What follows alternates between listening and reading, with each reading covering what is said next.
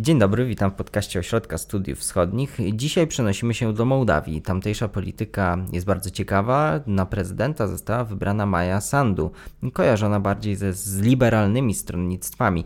I o tym, co to oznacza dla Mołdawii, o tym, jak wygląda obecny kryzys polityczny, bo myślę, że już tak możemy to nazwać, to co się e, dzieje w tym kraju, jak to wpłynie na jego pozycję wewnętrzną, na jego sytuację wewnętrzną, na jego e, pozycję na zewnątrz i także o procesach społecznych, które w Mołdawii się odbywają. O tym będę rozmawiał z Kamilem Całusem, analitykiem Ośrodka Studiów Wschodnich. Dzień dobry. To jest podcast Ośrodka Studiów Wschodnich.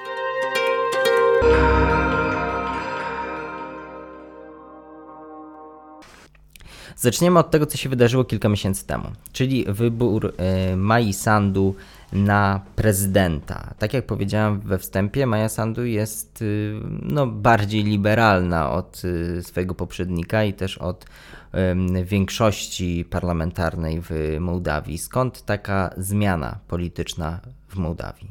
Maja Sandu jest e, zdecydowanie bardziej liberalna, ale przede wszystkim mm, taki może tutaj podział mołdawskiej sceny politycznej bym zaproponował. Mm, jest ona reprezentantką tych sił politycznych, e, polityczno-społecznych wręcz w Republice Mołdawii, które mm, chcą w tym kraju zmian, które chcą e, praworządności, które chcą demokratyzacji, które chcą e, uzdrowienia mołdawskiego wymiaru sprawiedliwości. Europy?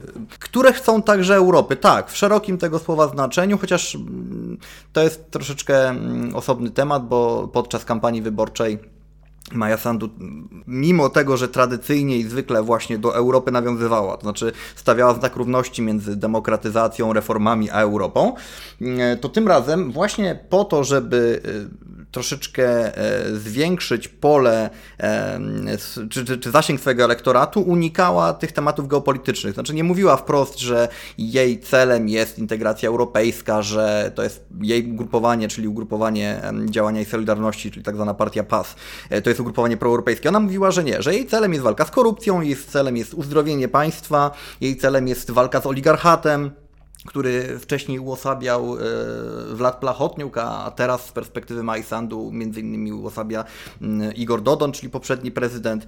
To nazwisko będzie się pojawiać wielokrotnie. Oj, myślę, że będzie się pojawiać, jak najbardziej. I na tych rzeczach się skupiała i dzięki temu też zresztą udało jej się e, przyciągnąć do siebie więcej ludzi niż zwykle, właśnie dlatego, że nie antagonizowała, tak? Nie, nie, nie, nie, była w stanie tym razem ten elektorat, który nie jest może koniecznie mocno proeuropejski, który jest e, nastawiony e, czy ze względów politycznych, czy ze względów kulturowych, czy też językowych, także na współpracę z Rosją, po prostu e, przemawiała do nich hasłami, które dla wszystkich Mołdawian są interesujące, tak? Czyli właśnie poprawa sytuacji gospodarczej, walka z korupcją, uzdrowienie administracji. No to jest coś, czego bez względu na poglądy polityczne każdy Mołdawianin, Mołdawianin chce. Mhm. Także pod tym względem na pewno też, też ją trzeba byłoby rozpatrywać. Czyli jakby upraszczając, tak, Maja Sandu i jej środowisko to, to jest środowisko proreformistyczne, to, które opowiada się za właśnie zmianą, liberalizacją systemu politycznego w Mołdawii w takim rozumieniu właśnie zachodnim. E, natomiast e, Igor Dodon, czyli jej kontrkandydat, poprzedni prezydent, de facto lider, a obecnie już faktycznie lider, e, formalnie lider socjalistów, no to jest przedstawiciel, e, okej, okay, z jednej strony partii prorosyjskiej, ale dużo bardziej istotne jest to, że że jest to przedstawiciel starego establishmentu, tego, który jest zainteresowany w tym, żeby, czy tym, żeby państwo cóż, no, mogło e, dawać określone korzyści, e, nie tylko polityczne, ale także majątkowe określonym, określonym środowiskom polityczno-biznesowym. Bardzo ładnie to ująłeś. Tak, ale... Eufemistycznie, tak. Maja Sandu powiedziałaby pewnie to trochę wyraźniej. Ostatnio zresztą właśnie starając się nie dopuścić do przejęcia władzy czy utworzenia rządu, rządu zdominowanego m.in. przez socjalistów mówiła, że, że kraj należy ratować przed złodziejami, przed tymi, którzy stawiają swoje interesy ponad interesy kraju. Także w ten sposób też to można było pewnie określić. Mhm. Taka podstawowa interpretacja tego, tych wyników wyborów, taka myślę, która mogła w, w głowach wielu osób, które nie do końca orientują się w meandrach y, mołdawskiej polityki, mołdawskiego społeczeństwa, taka pierwsza interpretacja to mogła być i nawet tytuł nagłówka. Mołdawia idzie na zachód. Mołdawianie wybrali zachód, wybrali Unię Europejską, wybrali europejską polityk. Czy, czy to do końca o to chodziło, czy bardziej właśnie chodziło to, o czym mówiłeś, czyli sprzeciw wobec y, Dodona i sprzeciw wobec układu rządzącego i korupcji. Raczej to drugie, mimo wszystko. To znaczy, baza e, wyborców w Mołdawii, którzy opowiadają się za integracją europejską, którzy czują się Europejczykami, którzy uważają, że ten kraj powinien zmierzać na zachód i powinien integrować się z Unią, jest mniej więcej stała, tak naprawdę. I to jest. No, różnie można to określić, myślę, że około 40% społeczeństwa. Więc widzimy, że w sytuacji wyborów prezydenckich brakuje nam co najmniej tych kolejnych 10% po to, żeby móc zdobyć, zdobyć większość. I tutaj, jak wspominałem wcześniej, Maja Sandu uderzała w takie tony e, bardziej ogólne, mniej geopolityczne, które, którymi były zainteresowane spore grupy mieszkańców Mołdawii, nie będące nie wiem, fanatycznie antyeuropejskimi, tak? czy, czy fanatycznie prorosyjskimi, bo wiadomo, że tego typu ludzie no, bez względu na to, co się dzieje, mimo wszystko nie zagłosują na politykę, która jest jednoznacznie kojarzona z Unią Europejską. Także zwycięstwo Majsandu to jest przede wszystkim duża czerwona kartka dla tego starego establishmentu, który reprezentował Igor Dodon, który reprezentowali socjaliści, e, którzy, który reprezentował wcześniej Wlad Plachotniuk, no tak naprawdę takiego, takiej, takiej klasy politycznej, która z perspektywy wyborców mołdawskich jest mocno skompromitowana poprzez afery, poprzez różnego typu skandale, poprzez gry polityczne, tak, w których uczestniczyła i która to klasa polityczna no, w oczach tychże Mołdawian jest w dużej mierze odpowiedzialna za to, że kraj tak naprawdę rozwija się bardzo powoli, sytuacja w tym kraju zmienia się bardzo powoli, że wciąż jest to jedno z najbiedniejszych państw europejskich, jeśli nie najbiedniejsze, to zależy od statystyki, jaką weźmiemy pod rękę. No i że jest to kraj, który de facto zmusza masowo swoich obywateli, szczególnie młodych, do wyjazdu za granicę za, za chlebem. Więc to był główny powód, dla którego zdecydowano się zagłosować na Maję Sandu, która bez względu na to, jak jest postrzegana, to znaczy no, może być postrzegana jako ta proeuropejka, proeuropejka która chce wrzucić Mołdawię w ręce złego Zachodu, okej, okay z perspektywy oczywiście części elektoratu, ale jednocześnie trudno jej było zarzucić jakiekolwiek korupcyjne konotacje. I co do tego rzeczywiście wszyscy się zgadzali. Znaczy nawet Dodon czy socjaliści próbując atakować Sandu podczas kampanii wyborczej, czy wcześniej generalnie podczas takiej zwykłej rywalizacji politycznej, raczej nie byli w stanie e, wyciągnąć przeciwko niej żadnych takich czysto korupcyjnych właśnie, właśnie argumentów. Raczej próbowano iść w obyczajówkę, próbowano jej w, doczepiać, nie wiem, tak, chęć sprowadzania do Mołdawii masowo Syryjczyków w ramach imigrant, imigracji, tak, która ma trafić tam, częściowo do Unii, a częściowo do Mołdawii. Były też takie głosy, oczywiście zupełnie z sufitu, ale nigdy to nie były zarzuty korupcyjne, co sprawia, że w ogólnej percepcji społecznej no Maja Sandu jest politykiem uczciwym. Może nie z bajki elektoratu tego czy owego, ale uczciwym. I to było coś, co przekonało bardzo wielu ludzi. Powiedziałeś, że 40% około to są taki elektorat proeuropejski, to a co zresztą? 60% to elektorat prorosyjski, czy jak te proporcje się rozkładają? Nie, nie, to znaczy, jeśli tak na to spojrzeć, to to jest mniej więcej 50-50, ale nie możemy y, patrzeć na społeczeństwo mołdawskie tylko i wyłącznie jako takie, które dzieli się na proeuropejskie i pro, pro, pro, prorosyjskie. Duża część Mołdawian y, nie jest tak naprawdę, jest, mam wrażenie nawet być może większość, nie jest zainteresowana polityką.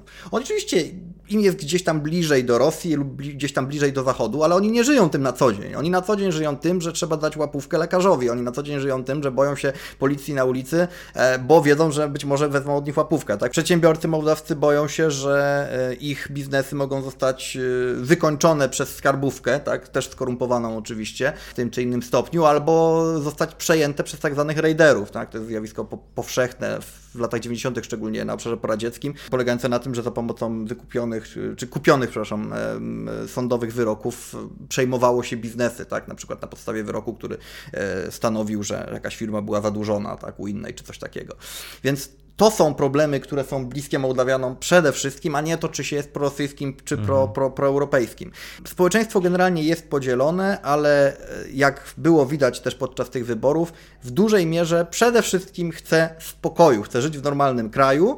Jeżeli ktoś im obiecuje, że ten normalny kraj będzie realizowany dzięki, dzięki integracji europejskiej, no to fajnie. Jeżeli ktoś im obiecuje, że to, to będzie realizowane dzięki zbliżeniu z Rosją, no to fajnie, ale To jest obydwie, wtórne. to jest wtórne, tak. Zresztą obydwie te narracje już się trochę zużyły, tak. Między rokiem 2009, czy po roku 2009 mieliśmy przez, przez dobrych kilka lat rządy koalicji proeuropejskiej, tak zwanej koalicji proeuropejskiej, która właśnie obiecywała, że integracja z Unią Europejską, podpisanie umowy stowarzyszeniowej poprawi życie w Mołdawii.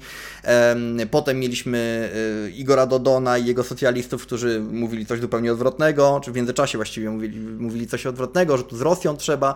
A Maja Sandu teraz podczas kampanii wyszła, no nie odcinała się oczywiście od tych swoich europejskich e, ambicji czy, czy wcześniejszych odwołań, tylko powiedziała, że to jest rzecz zupełnie wtórna, integracja europejska to jest rzecz wtórna. E, Oczywiście my chcemy, ale przede wszystkim chodzi o to i taki jest też cel tejże, e, tejże integracji europejskiej, żeby w Mołdawii się poprawiło, żeby Mołdawia przestała być krajem skorumpowanym, żeby ludzie przestali e, być zmuszani do wyjazdu z tego kraju. Mhm. To już mamy mniej więcej jasność, kim jest Maja Sandu, kto jest w tej opowieści głównym, głównym antagonistą. Mamy, mamy to rozrysowane, no ale problem jest taki, że system y, polityczny w Mołdawii nie jest systemem prezydenckim, a jest systemem parlamentarnym. A w parlamencie bynajmniej Maja Sandu większości nie ma. I co wydarzyło się po wyborach prezydenckich? Tak, e, no Mołdawia jest rzeczywiście dość wyjątkowym krajem na obszarze pradzieckim, bo tam w większości dominują systemy prezydenckie. E, Istnieje też pewne przyzwyczajenie społeczeństw do tego, że władza jest silna, jest skupiona w jednych rękach. Zresztą w Mołdawii takie przyzwyczajenie także funkcjonuje i w związku z tym prezydent, mimo że kompetencje posiada w dużej mierze symboliczne e, i reprezentacyjne, jest uważany za osobę, która za właściwie wszystko odpowiada i ponosi odpowiedzialność za bardzo wiele rzeczy. Co niestety dla Maja Sandu jest problemem, tak? No bo Maja Sandu wygrała wybory, jest to uważane przez jej zwolenników za oczywiście ogromny sukces, no jest to ogromny sukces, ale e, z tą wielką władzą, cytując klasyka, idzie także wielka odpowiedzialność, e, która niestety nie jest połączona z instrumentami do, do działania, tak jakiegokolwiek poważniejszego. Maja Sandu posiada więc niewiele instrumentów do tego, żeby e, móc faktycznie wpływać na rzeczywistość polityczną w kraju. Jako prezydent, mm, cóż, może przede wszystkim i, i rzeczywiście to robi od e, tych kilku ostatnich miesięcy, mm, być taką wizytówką, twarzą Mołdawii za granicą, w związku z czym e, regularnie udaje się na wyjazdy zagraniczne. Mm, e, Była w Brukseli, była w Kijowie między innymi, zapowiada wyjazd do, do Moskwy, w Kiszyniowie był właściwie natychmiast po jej zaprzysiężeniu prezydent Rumunii Klaus e, Johannis. Jest to o tyle ważne, że za czasów prezydentury Igora Dodona relacje Mołdawii z e, zagranicą, poza Rosją, właściwie były złe lub bardzo złe, albo ewentualnie niemalże nieistniejące.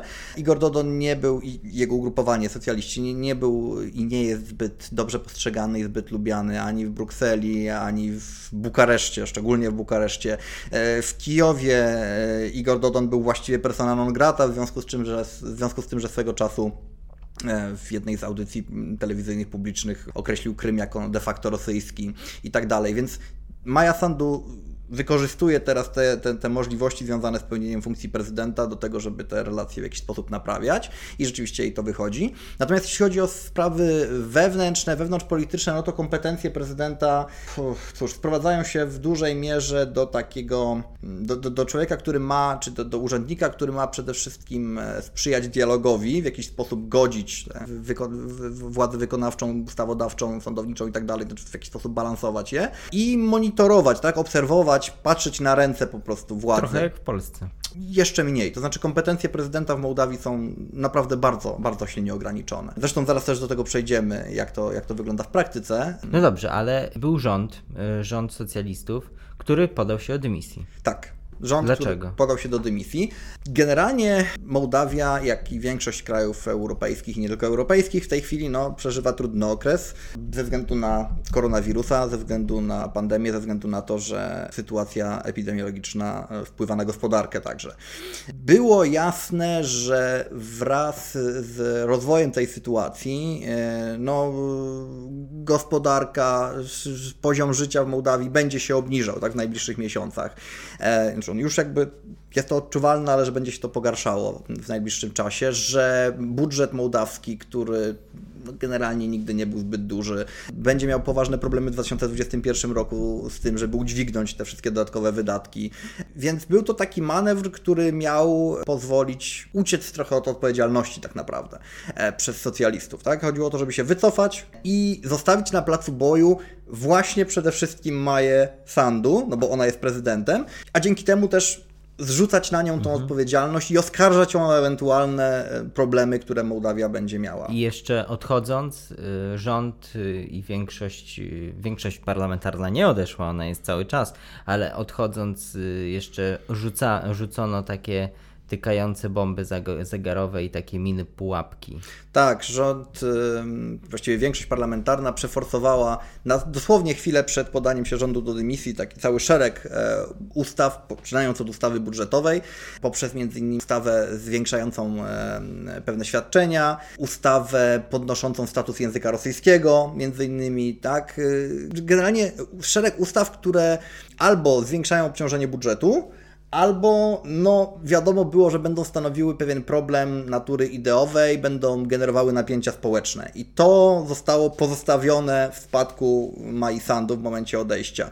Do tego wszystkiego jeszcze wcześniej, na początku grudnia, Socjaliści e, wraz ze wspierającymi ich ugrupowaniami, czyli partią Szora, z e, byłymi członkami Partii Demokratycznej Plachotniuka, zrzeszonymi w takiej frakcji Pentru Moldowa, czyli dla Mołdawii, za Mołdawię. Posłowie ci przeforsowali ustawę, która odebrała jedną z ważniejszych kompetencji Mai Sandu, czy prezydentowi, czyli kompetencje kontroli, nadzorowania pracy służb mołdawskich. Przede wszystkim znaczy głównej służby w Mołdawii, czyli służby informacji i bezpieczeństwa. To jest jednocześnie wywiad i kontrwywiad mołdawski tak naprawdę.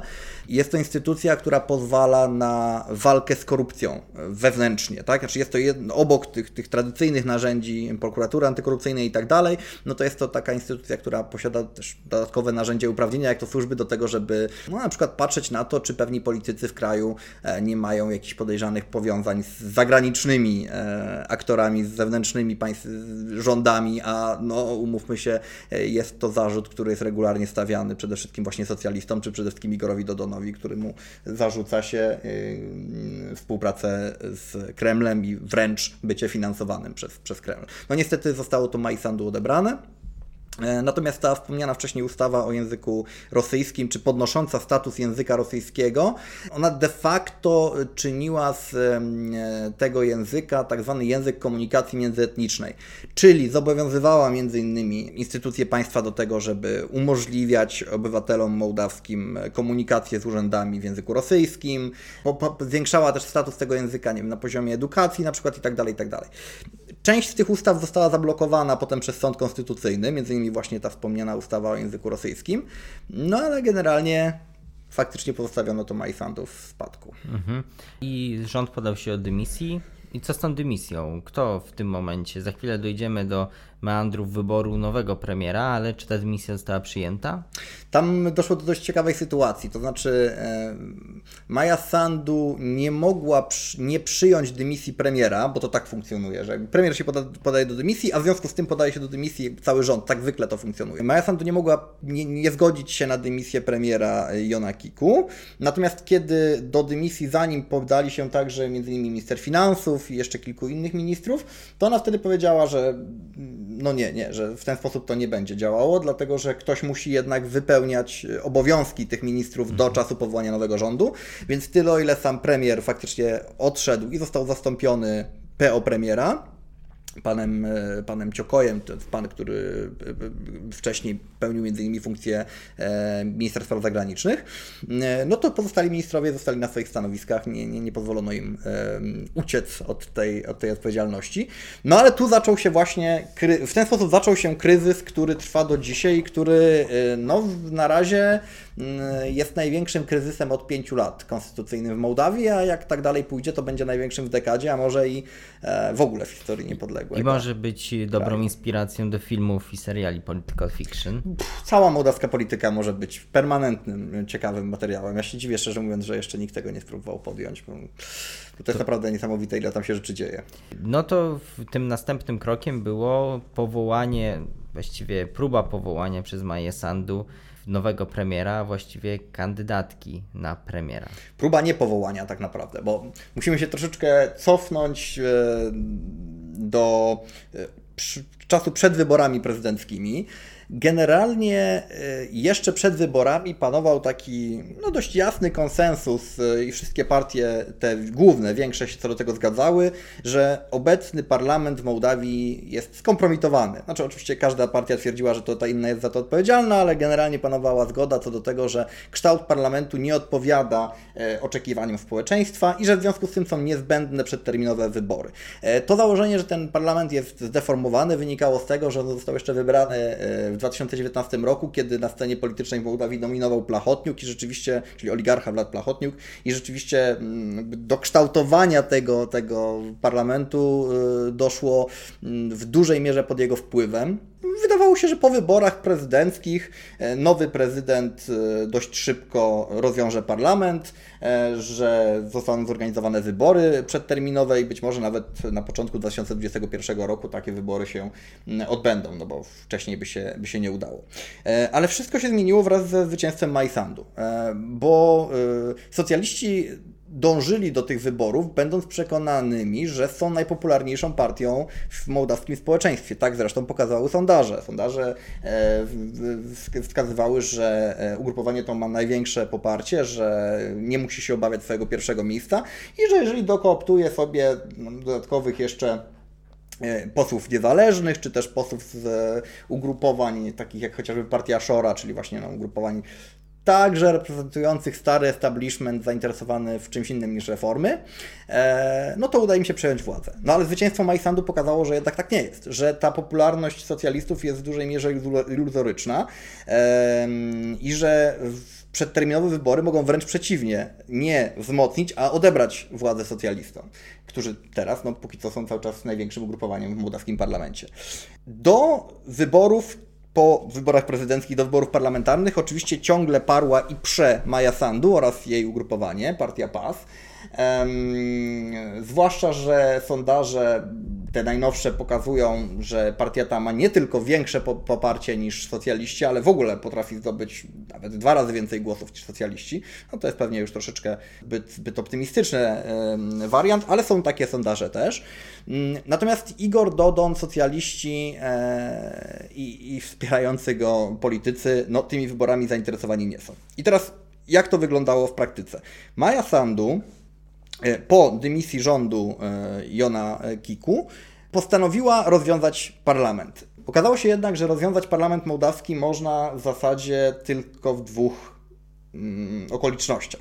Pierwszą jest e, niemożność, czy też fakt dysfunkcjonalności parlamentu przez y, okres trzech miesięcy. Czyli jeżeli mamy do czynienia z sytuacją, gdzie przez trzy miesiące parlament się nie zbiera, gdzie z tych czy innych przyczyn parlament nie jest w stanie wykonywać swoich obowiązków, to wtedy prezydent może wejść i powiedzieć: rozwiązujemy parlament, kończymy wam przedterminową kadencję, rozpisujemy nowe wybory. No w praktyce to do czego by się sprowadzało? Do jakiegoś, że parlament nie przyjmowałby ustaw, bo to tak brzmi jak taka jakaś klauzula generalna, która może oznaczać wszystko albo i nic. Tak, no ale zasadniczo przyjmuje się, że no, znaczy nie realizowałby swoich podstawowych zobowiązań. Na przykład właśnie nie chciałby wybrać e, wskazywanego przez prezydenta szefa rządu.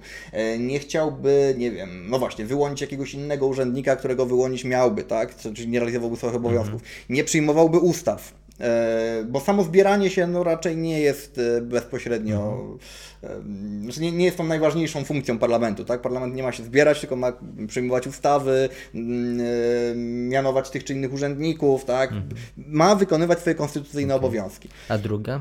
A druga okoliczność jest bardziej klasyczna i dotyczy niepowodzenia w wyłanianiu nowego rządu. E, mołdawski parlament według konstytucji musi podjąć w razie, znaczy w, w, w, w, sytuacji, kiedy rządu nie ma, dwukrotną próbę e, powołania, powołania nowego rządu, czyli przegłosowania kandydatury tego czy innego premiera.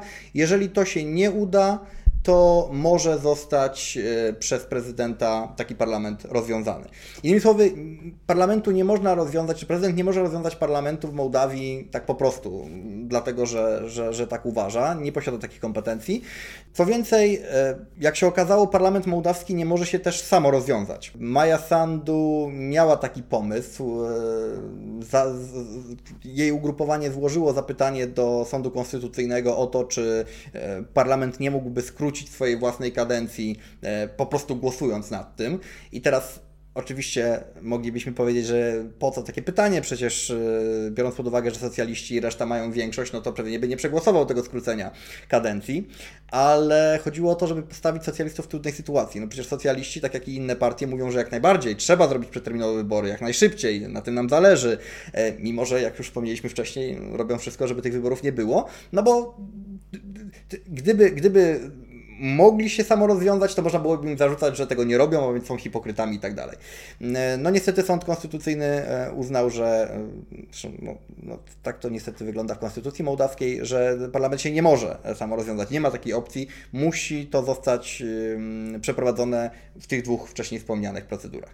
W związku z czym Maja Sandu doszła do wniosku, wraz ze swoim otoczeniem politycznym, że trzeba jak najszybciej wypełnić ten drugi możliwy warunek, czyli po prostu przeprowadzić dwie nieudane próby powołania rządu. I w ten sposób otworzyć sobie drogę do rozwiązania parlamentu i do rozpisania przedterminowych wyborów.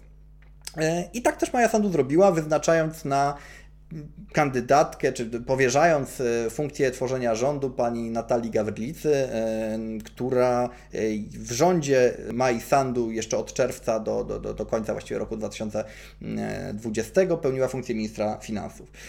I to było dość zabawne czy kuriozalne, dlatego że ona została wyznaczona po to, żeby nie była wybrana. I to było mówione od początku. Partia PAS, czyli partia, z której ta pa, pani polityk się wywodzi, z której Maja Sandu się wywodzi, której de facto przewodzi, z góry powiedziały, że nie zagłosują oczywiście za Gawrylicą po to, żeby doprowadzić do przeterminowych wyborów, chociaż pojawią się rzecz jasna e, na, na, na, na spotkaniu w parlamencie, czy na zebraniu w parlamencie po to, żeby dać jakby takie poparcie i dla niej wyrazić jako dla swojej koleżanki. Socjaliści, przez jakiś czas nie było w ogóle wiadomo, jak się zachowają te pozostałe partie, bo pojawiła się też obawa, że, no, że na przykład poprą kandydaturę To by było bardzo większość. zabawne, gdyby... To byłoby zabawne i to byłoby całkiem interesujące, bo doszłoby do sytuacji, w której de facto zostałby powołany rząd, który byłby rządem automatycznie mniejszościowym, no bo przecież ta większość byłaby sytuacyjna, e, na który to rząd można by zrzucać odpowiedzialność właśnie na wszystko, co by się nie udawało, a nie udawałoby się dlatego, że nie miałby większości, więc to byłoby trudne i to było niebezpieczne.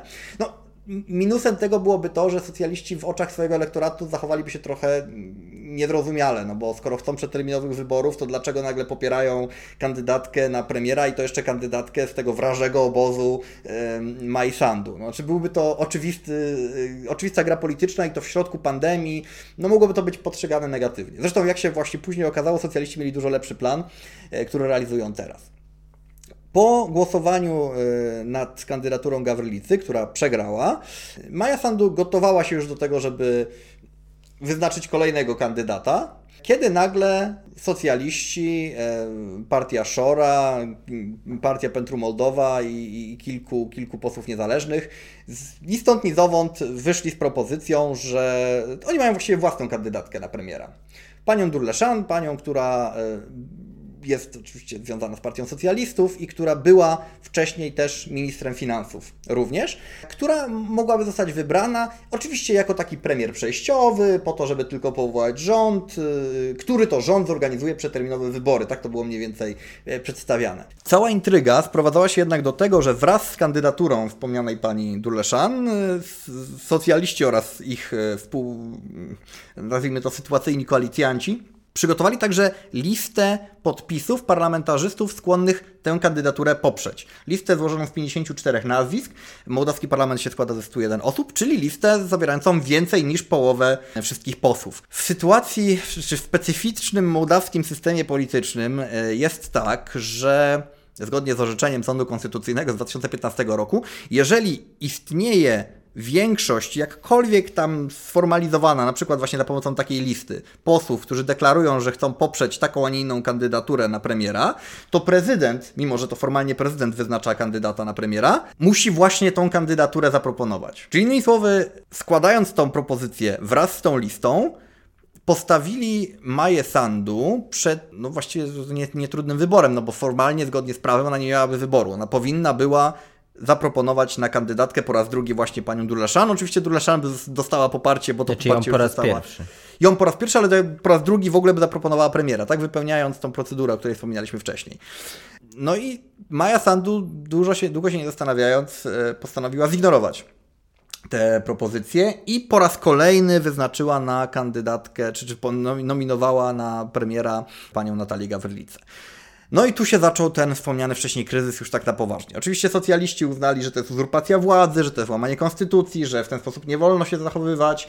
Um, że, się spodziewać. Że Maja Sandu, dokładnie, że Maja Sandu nie miała prawa w ogóle tak postąpić i natychmiast zwrócili się z tą sprawą do Sądu Konstytucyjnego z zapytaniem, czy y, po pierwsze, czy Maja Sandu w ogóle mogła wyznaczyć kogoś innego niż chciała tego większość parlamentarna, e, a po drugie, czy nie złamała rażąco konstytucji w ten sposób. Sąd Konstytucyjny natychmiast wydał taki dekret, który wstrzymywał jakby całą procedurę wyborczą. Chodziło o to, żeby, właściwie to nie jest dekret, tak, tak polecenie wstrzymania procedury wyłaniania nowego rządu, no bo chodziło o to, żeby teraz nie doszło do próby przegłosowania tej kandydatki, którą Maja Sandu zaproponowała, czyli Gawrylicy. Mm, I po kilku dniach, 23 lutego ostatecznie Sąd Konstytucyjny orzekł, że no cóż, no Maja Sandu rzeczywiście no, nie miała prawa tak postąpić, że Maja Sandu musiała podporządkować się woli większości, ale jednocześnie Sąd y, Konstytucyjny uchylił się przed stwierdzeniem, czy złamała konstytucję, co też jest dość interesujące, no bo de facto Sąd Konstytucyjny uznał, że naruszyła konstytucję, ale jednocześnie nie stwierdził, że naruszyła, naruszyła konstytucję. konstytucję po raz drugi proponując y, tą samą kandydatkę na premiera. Nie, nie, naruszyła konstytucję nie proponując na premiera kandydatki w sytuacyjnej większości parlamentarnej. Okay. Czyli w sytuacji, jeszcze raz. Sytuacji... Bo ona zgłosiła e, jakiegoś swojego kandydata, czy po prostu. Tak, zgłosiła. Maja Sandu po raz drugi zaproponowała kandydaturę Natalii Gawrylicy. E, natomiast stało się to już po tym, jak socjaliści i reszta dostarczyli Maji Sandu listę 54 posłów, czyli większości, pod innym nazwiskiem, czyli pod nazwiskiem pani Durleszan. Mhm. Gdzie zgodnie z mołdawskim orzecznictwem właściwie w sądzie konstytucyjnym w takiej sytuacji ona nie miała wyboru. Ona powinna była wyznaczyć właśnie panią Durleszan. No i ten wyrok tego sądu konstytucyjnego no jest taki, że z jednej strony jest stwierdzone, że to jest niezgodne z konstytucją, ale z drugiej strony, jak rozumiem, nie ma to w żadnej konsekwencji bezpośrednio. No tak, znaczy tak to już jest w ogóle z wyrokami sądów konstytucyjnych że no, one stwierdzają, czy ktoś naruszył prawo, czy nie, ale. Yy, no, czy to nie otwiera drogi do impeachmentu? Otwiera, jak najbardziej. Tylko to niczego nie rozwiązuje, jak się okazuje. Zresztą, zresztą nie uprzedzajmy faktów, e, bo oczywiście po wyroku Sądu Konstytucyjnego no, socjaliści odtrąbili sukces, powiedzieli, że właśnie, więc teraz czekamy na to, aż pani prezydent jednak zacznie wypełniać swoje zobowiązania. Na co Maja Sandu wystąpiła na briefingu prasowym i powiedziała, że, e, że ona nie rozumie tego wyroku, że rozumiałaby go, czy tego orzeczenia, rozumiałaby go, gdyby sytuacja w kraju była inna, ale e, obecnie trzeba robić wszystko, żeby ratować kraj. Tutaj tak przywołuję, przy, przywołała właśnie te słowa, które gdzieś wcześniej cytowaliśmy mm, przed, przed złodziejami. Nie wolno dopuścić do tego, żeby takie, a nie inne osoby przejęły władzę e, w kraju, więc ona nie nominuje na kandydatkę na, na premiera pani, pani Durleszan. To oczywiście spotkało się z groźbami impeachmentu, tylko że znów, impeachment w Mołdawii to nie jest taka prosta sprawa. Jak na to, jak niewielkie kompetencje ma prezydent, to jego odwołanie wymaga naprawdę sporego wysiłku. E, po pierwsze, potrzeba większości parlamentarnej dwóch trzecich posłów, żeby wszcząć taką procedurę, a po drugie, e, potrzeba jeszcze referendum, żeby potem to potwierdzić. Ani tych dwóch trzecich w parlamencie pewnie by się nie, dało, nie udało zbierać, a nawet gdyby się udało zbierać, to w referendum prawdopodobnie Maja Sandu by jednak zwyciężyła. Znaczy, albo by nie znalazło się wystarczająco wielu chętnych, by w tym referendum wziąć udział, co sprawiłoby, że referendum byłoby nieważne, albo też po prostu Maja Sandu zdołałaby zgromadzić wystarczająco wielu zwolenników, e, którzy by ją tam poparli. E, więc Mołdawia się znalazła, czy mołdawska polityka znalazła się w takim kompletnym klinczu. No bo skoro Maja Sandu mówi, że ona nie poprze tej kandydatury, której, której chce większość, e, a większość no, może podjąć próbę jej impeachmentu, ale z góry ta próba w zasadzie skazana jest na niepowodzenie, to nie do końca wiadomo, co można zrobić. Zresztą socjaliści dość szybko się zorientowali, że te groźby impeachmentu są bez sensu i szybko się z nich wycofali. Tam dosłownie po paru dniach e, Igor Dodon stwierdził, że nie, nie, że referendum nie, że wróćmy do dialogu, rozmawiajmy. Zresztą to nie jest takie, to nie jest takie głupie ze strony socjalistów, bo wróćmy do tego, co mówiliśmy wcześniej. Socjalistom zależy przede wszystkim na tym, by jak najdalej, jak najmocniej odsunąć widmo przeterminowych wyborów i jednocześnie zrzucać maksimum odpowiedzialności za sytuację w kraju na ręce czy na, na, na, na ramiona Majsandu. I to się teraz dzieje. Dopóki kryzys trwa, o żadnych przeterminowych wyborach nie ma mowy. Jednocześnie Maja Sandu jest de facto jedynym wysokiej rangi urzędnikiem, który pełni swoją funkcję w pełni. Nie jest PO urzędnikiem, czy PO premierem, PO prezydentem, tylko po prostu prezydentem. Więc im dłużej to będzie trwało, tym lepiej. Szczególnie, że e, w obecnej sytuacji socjaliści i cała reszta mają możliwość zarzucania Mai Sandu, no, że ona łamie konstytucję. Jeszcze nic nie robi. Łamie, no nic nie robi oczywiście, łamie konstytucję, łamie orzeczenie Sądu Konstytucyjnego. Sądu Konstytucyjnego, żeby było zabawniej, który yy, uznawany jest za przyjazny wobec Majsandu. Sądu, który przeszedł, yy, nazwijmy to deplachotniukizację, bo w, rzeczywiście w czasach rządów Plachotniuka Sąd Konstytucyjny był generalnie zupełnie upolityczniony i podległy temu oligarsze i jego woli. Było wiadomo, że wydają do życzenia, które są po linii e, Plachotniuka. Natomiast to się zmieniło i generalnie sąd, Sądowi Konstytucyjnemu przewodniczy teraz e, pani sędzia Dominika Manole, która mm, jest uznawana za, za sędziego takiego właśnie liberalnego, znaczy uczciwego, ale jednocześnie raczej sympatyzującego z Mają Sandu. Więc nie można było powiedzieć, że mm, Maja Sandu tutaj nie chce wykonać orzeczenia sądu, bo ten sąd jest upolityczniony. No, też nie można tego zrobić, tak? Także z perspektywy socjalistów socjalistów właściwie sytuacja jest w porządku. Fajnie byłoby powołać własny rząd, oczywiście, ale jak się nie uda, to czas gra na niekorzyść Mai Sandu.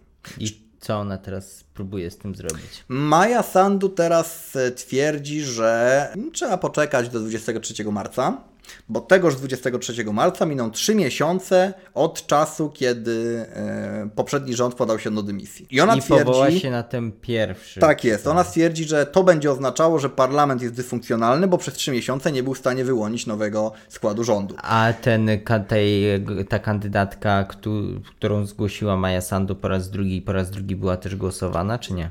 Nie, to znaczy dlatego, że socjaliści i cała reszta no, uznali, oni nie uznają tej, tej nominacji. Zresztą no, de facto sąd konstytucyjny też jej nie uznał, no bo mm, tym wyrokiem, czy tym orzeczeniem mm, uznał ją za nieważną. Więc nawet gdyby Maja Sandu próbowała to forsować, no to socjaliści i reszta po prostu nie przyszli do parlamentu i powiedzieli, że przecież to w ogóle nie jest kandydat. Więc tutaj jakby proces się zakończył. Znaczy, no nie ma sensu tak podejmować A prawo nie obliguje Maji Sandu do zgłoszenia w jakimś tam terminie tego drugiego mm, kandydata? W żadnym konkretnym terminie. Znaczy no no, obligu, znaczy, no obliguje w tym sensie, że ona musi to zrobić. Ale jeśli tego nie robi, no to mamy procedurę impeachmentu, o której wspomniałem wcześniej. Okay. Mołdawska konstytucja generalnie nie jest idealna. To znaczy, mołdawska konstytucja. No bo u nas na przykład w konstytucji procedura no, jest y, o tyle podobna, znaczy o tyle podobna, że też zaczyna się od tego, że prezydent ma wskazać kandydata na premiera. Nie jest to jasno powiedziane, że to z większości. W, drugiej, y, w drugim kroku, co prawda, inicjatywa wraca do parlamentu, ale u nas są ścisłe terminy konstytucji konstytucyjne, zdaje się 14 dni. Tam, jak rozumiem, tych terminów nie ma. Tu, tu, w sytuacji mołdawskiej to i tak nie ma znaczenia, bo nawet gdyby były, to nie, żadna konstytucja nie zakłada w takiej sytuacji, nie wiem, że pozbawia się prezydenta kompetencji. No tak. Najwyżej mówiłaby, że trzeba wszcząć, że to jest podstawa do wszczęcia impeachmentu. W ogóle naruszanie konstytucji przez prezydenta jest podstawą do wszczęcia impeachmentu, a nie z automatu czynnikiem, który tego prezydenta pozbawia urzędu, urzędu prawda? Więc e, De facto konstytucja mołdawska w obecnej sytuacji przewiduje tylko impeachment, ale ze względów politycznych, o których wspomniałem wcześniej, tego impeachmentu nikt nie chce. Okay. E, no i, i, teraz tak, czyli tak, Maja Sandu twierdzi, że poczekamy do 23. E, to jest wątpliwe, bo i Dodon, i reszta, i wielu też komentatorów, prawników mówi, że no, no nie, no trudno będzie to uzasadnić, bo to nie jest wina parlamentu, że jest dysfunkcjonalny. To znaczy w tej sytuacji parlament nie jest w stanie wyłonić kandydata na premiera, czy nowego rządu, dlatego że to prezydent blokuje proces. Więc rozwiązywanie parlamentu dlatego, że prezydent blokuje proces, nie do końca, tak? E, więc tu jesteśmy jakby w klinczu. E, natomiast e, socjaliści mówią inaczej. Socjaliści mówią, że dają Mai Sandu czas do 9 marca. A jeżeli do 9 marca Maja Sandu nie zdecyduje się na nominowanie kandydata, którego większość zaakceptuje, to już nie musi być według socjalistów pani Durlaszan, ale jakiś wspólny kandydat, e, no to oni coś przygotują, coś zrobią, coś, co sprawi, że prezydent stanie się e, taką figurą dekoracyjną, jak to oni określają. Nie do końca wiadomo, co oni mogą mieć na Zmiana myśli. konstytucji? Zmiana konstytucji raczej nie, być może y, jakieś ustawy, które zwiększałyby kompetencje parlamentu w tych czy innych kwestiach. To jest możliwe rzeczywiście. Mołdawia już nie takie rzeczy widziała, więc. Y, czyli to. Czyli jak rozumiem, w tym momencie czekamy na 23 marca i sprawdzimy, czy Maja Sandu dopchnie to kolanem i doprowadzi do rozwiązania tego parlamentu, ale co wtedy się wydarzy. W sensie parlament według prezydenta będzie rozwiązany, ale czy siły polityczne to zaakceptują i wezmą udział w wyborach, czy jak to teraz będzie wyglądało? Jeśli Maja Sandu stwierdzi, że nie wiem, zadecyduje o rozwiązaniu parlamentu 23 marca, e, no to skończy się na pewno kolejnym zapytaniem do Sądu Konstytucyjnego, czy w ogóle mogłaby coś takiego zrobić. Mam wrażenie, że Sąd Konstytucyjny uzna, że jednak nie. Oczywiście do czasu e, podjęcia decyzji przez Sąd Konstytucyjny wszystko zostanie w zawieszeniu, a jeśli potem Sąd Konstytucyjny uzna, że nie, zresztą nawet jeśli uzna, że tak, to właściwie nie ma żadnego znaczenia, no to dojdzie na pewno do e, bardzo poważnego kryzysu, demonstracji, e, do bojkotu decyzji Majsandu. Czy stoimy teraz w takiej sytuacji, w której może dojść nawet do pewnego rozłamu, do pewnej dwuwładzy w Mołdawii. Znaczy, kiedy z jednej strony będziemy mieli prezydenta i obóz prezydencki, który będzie twierdził, że może rozwiązać parlament, może organizować przeterminowe wybory oraz tą większość, czyli socjalistów, Szora, Centrum Moldowe i tak dalej, którzy będą mówili, że nie, że to jest uzurpacja władzy i prezydent po prostu nie ma takich kompetencji. I to może pójść aż na taką kolizję, że będzie dwuwładza? Mm, wszystko tak naprawdę zależy od tego też, jak się zachowają aktorzy zewnętrzni pewnie, ale, bo to w Mołdawii jest ważny czynnik, ale nie wykluczałbym tego. A co na to społeczeństwo? To jest trudne pytanie. Społeczeństwo jest generalnie zmęczone. Czy społeczeństwo popiera Maję Sandu y, w, w pomyśle, zresztą nie tylko bo i formalnie o tym socjaliści mówią, społeczeństwo chce przeterminowych wyborów. Społeczeństwo rzeczywiście ma co, co do zasady w większości uważa, że przeterminowe wybory są konieczne i że przeterminowe wybory są jakimś rozwiązaniem. E, więc tutaj no, tak chcą tego. No ale z drugiej strony e, zwolennicy socjalistów, zwolennicy opcji nie proeuropejskich, no, tak też patrzą na to w taki sposób dość podejrzliwy, na to, co robi, co robi Maja Sandu. E, zresztą właśnie to jest ten problem, że Maja Sandu, jak wspomniałem wcześniej, do niedawna jeszcze cieszyła się taką nieposzlakowaną opinią. A niestety teraz, bez względu na to, jakie cele jej przyświecają i bez względu na to, czy te cele są słuszne, czy nie, no, no oczywiście ma rację, że walczy z pewnym skorumpowaną klasą polityczną, no ale walczy z tą skorumpowaną klasą polityczną jednak naruszając yy, konstytucję de facto, tak? Ale pułapki, które zastawi, na nią socjaliści, no jeżeli House of Cards już się chyba skończyło, ale mogłoby być to porządną inspiracją, bo pułapki pierwszorzędne. Do pułapki pierwszorzędne na paru poziomach. To, to jest w ogóle problem Sandu i obozu, że oni się mierzą ze starymi wygami politycznymi. Znaczy i socjaliści, i partia Szora, no ale przede wszystkim właśnie socjaliści są starzy mołdawscy gracze polityczni, którzy w tego typu układach, gierkach są wspaniali, są świetni. Nie tylko nie wahają się dokonywać różnych, różnych manipulacji, ale też wiedzą jak to robić, wiedzą jak to odegrać. Maja Sandu jej środowisko z jednej strony jeszcze nie potrafi, bo się dopiero uczy, no a z drugiej strony trochę nie chce, bo jednak tak, no mieni się tą, tą, tą, klasą taką właśnie liberalną, demokratyczną, klasą polityczną, która gra według zasad europejskich. Boję się, że teraz zaczyna to trochę działać tak, że oni ją, e, oni Maję Sandu jakby ściągają trochę do swojego poziomu, znaczy każą jej grać według zasad tego starego establishmentu. No jak już ona to zrobi, to ją po prostu y, doświadczeniem będą w stanie zmiażdżyć w sensie politycznym. Czyli sprowadzą ją do błota, a potem pokonają doświadczeniem. Tak, tak, tak, dokładnie. Czy to jest zresztą taktyka, którą stosowano w Mołdawii wcześniej? Czy ważne jest, jeżeli ma się przeciwnika, który jest, y, odróżnia się od reszty tym, że jest nieposzlakowany, to trzeba go poszlakować. Znaczy, trzeba pokazać, że okej, okay, rozumiemy, że nie wiem, nie lubisz nas, bo my jesteśmy tu skorumpowani, um, i chcesz zagłosować na tamtego polityka, bo on jest lepszy, ale patrz, on wcale nie jest lepszy. On też jest skorumpowany, on też, nie wiem, potrafi działać wbrew prawu, e, więc to wcale nie jest aż taki wybór znowu. A jak sądzisz, y, mówiłeś o tym, że rolę mogą odegrać ze względu na sytuację Mołdawii y, geopolityczną, rolę mogą odegrać podmioty zewnętrzne jak te podmioty zewnętrzne, albo już nie eufemizując, jak Rosja się zapatruje i też Unia Europejska na tę sytuację? Czy mamy jakieś symptomy poparcia albo niepoparcia jednej, jednego ze stronnictw?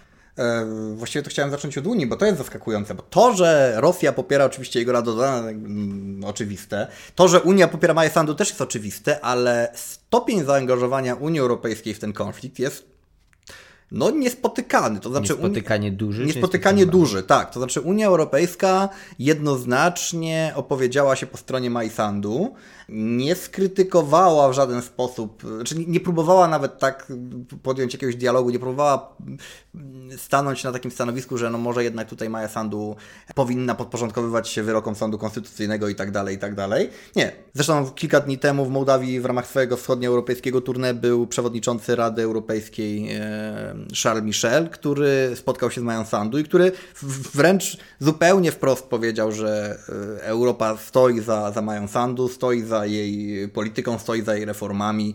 E, I to się stało już no, po tym, gdy, gdy wiadomo było, jak, jakie stanowisko Maja Sandu zajęła wobec tego właśnie kryzysu, tak, gdzie mm, opowiedziała się de facto przeciwko orzeczeniu Sądu Konstytucyjnego. Więc Unia Europejska tutaj stoi mocno na tym stanowisku. Co więcej, trochę jeszcze wcześniej, kiedy w ogóle pojawiła się ta większość e, w parlamencie mołdawskim, taka quasi sformalizowana, właśnie proponująca własnego kandydata na premiera, to mm, e, Peter Michałko, czyli ambasador Unii Europejskiej w e, Kiszyniowie, mm, powiedział, że to jest bardzo niepokojące, że w tej większości, czy o nowym rządzie miałyby decydować osoby, zamieszane w aferę związaną z kradzieżą miliarda. Kradzież, afera związana z kradzieżą miliarda to jest afera z 2014 roku, kiedy to z mołdawskiego systemu bankowego wyprowadzono właśnie miliard dolarów. Mm, I jedną z osób, która jest uznawana za architekta tego procesu, tego, tego całego schematu, który doprowadził do wyprowadzenia pieniędzy, jest Ilan Shore, czyli lider partii Shora, czyli człowiek, który y, jest w tym momencie ewidentnym partnerem politycznym Igora Dodona i którego członków partii nazwiska widnieją właśnie na tej liście, którą wspomniano wcześniej. Taka deklaracja unijnego ambasadora w Kiszyniowie y, spotkała się z bardzo negatywną reakcją zarówno socjalistów, którzy uznali to za wtrącanie się w e, sprawy wewnętrzne Mołdawii, jak i Rosji zresztą, MSZ-u rosyjskiego, no, który w podobnym tonie się wypowiadał na ten temat. Także tutaj jakby, jeśli chodzi o zachowanie Unii czy o pozycję Unii, no to ona jest jednoznaczna, tak? Jednoznacznie Unia się opowiada za Mają Sandu, jednoznacznie opowiada się przeciwko temu, co yy, planują socjaliści Shor i ich... Yy, I ta postawa Unii, mhm. to postawa Unii będzie miał, może mieć jakiś wpływ? No mamy teraz do czynienia z sytuacją, gdzie jakby obydwie strony nas, y, wspierają swoich i zwykle w takich sytuacjach do niczego konkretnego w Mołdawii nie dochodziło. To znaczy e, poważne zmiany następowały wtedy, kiedy na przykład Rosja i Unia, jeszcze do tego Stany e, gdzieś były się w stanie dogadać czy porozumieć. No tak, tak udało się na przykład Plachotniuka usunąć ze stanowiska, tak? I stworzyć koalicję socjalistów i e, Majsandu swego czasu, partii Majsandu, czyli partii PAS. Teraz trudno powiedzieć. W ogóle jesteśmy w sytuacji, w której trudno przewidzieć co się stanie, chociażby dlatego, że nie do końca wiemy, według jakich zasad gramy. Nie do końca wiemy, jak sąd konstytucyjny zinterpretuje na przykład tak próbę odwołania, czy rozwiązania parlamentu 23 marca, jeżeli taka zostanie podjęta. Nie do końca wiemy, co socjaliści planują na tego 9 marca. Nie do końca wiemy, y, jak daleko tak naprawdę Maja Sandu szczególnie jest w stanie pójść w tym, w tym, w tym swoim postanowieniu uniemożliwienia przejęcia władzy przez rząd rząd złożony z tak, reprezentantów socjalistów, partii Szora i tak dalej. No trudno przewidzieć, co się stanie, ale niewątpliwie jesteśmy w klinczu. Znaczy jesteśmy w klinczu, którego rozwiązania na razie nie widać, bo tak jak mówię, no jedynym rozwiązaniem, znaczy z jednej strony są wybory, których część nie chce, a z drugiej strony to jest impeachment, którego też część nie chce, bo prawdopodobnie by nie wyszedł. Mhm. Więc mamy najprawdopodobniej przed sobą co najmniej kilka tygodni, a może i więcej, takiego rozedrgania i kryzysu politycznego w Mołdawii. Mhm. My ten kryzys będziemy śledzić y, w Ośrodku Studiów Wschodnich, y, analizy, komentarze, także podcasty na, na ten temat na pewno będziemy przygotowywać, no bo sprawa jest ważna, bardzo ciekawa też. E, no i tak jak już wielokrotnie tutaj się odwoływaliśmy, jest dobrym scenariuszem e, na materiały political fiction. No w tym przypadku nie jest to fikcją, tylko tylko jest to rzeczą rzeczywistą, więc tym bardziej jest to ciekawe. Zachęcamy do obserwowania nas w platformach streamingowych, platformach podcastowych, w których Państwo nas słuchacie. Dzięki temu dostaniecie wiadomość o tym, e, gdy opublikujemy kolejne nagranie. Zapraszamy także do zapoznania się z podcastem naszych analityków Piotra Żochowskiego i Andrzeja Wilka. Panowie rozmawiają o armii i o służbach specjalnych. Podcast nazywa się Referat Armii i Służby Wschód. Link będzie w opisie do tego podcastu. Tymczasem my się żegnamy z Państwem. Dziękuję bardzo. Dziękujemy i do usłyszenia następnym razem. Wysłuchali Państwo podcastu Ośrodka Studiów Wschodnich. Więcej nagrań można znaleźć na stronie www.osw.waw.pl.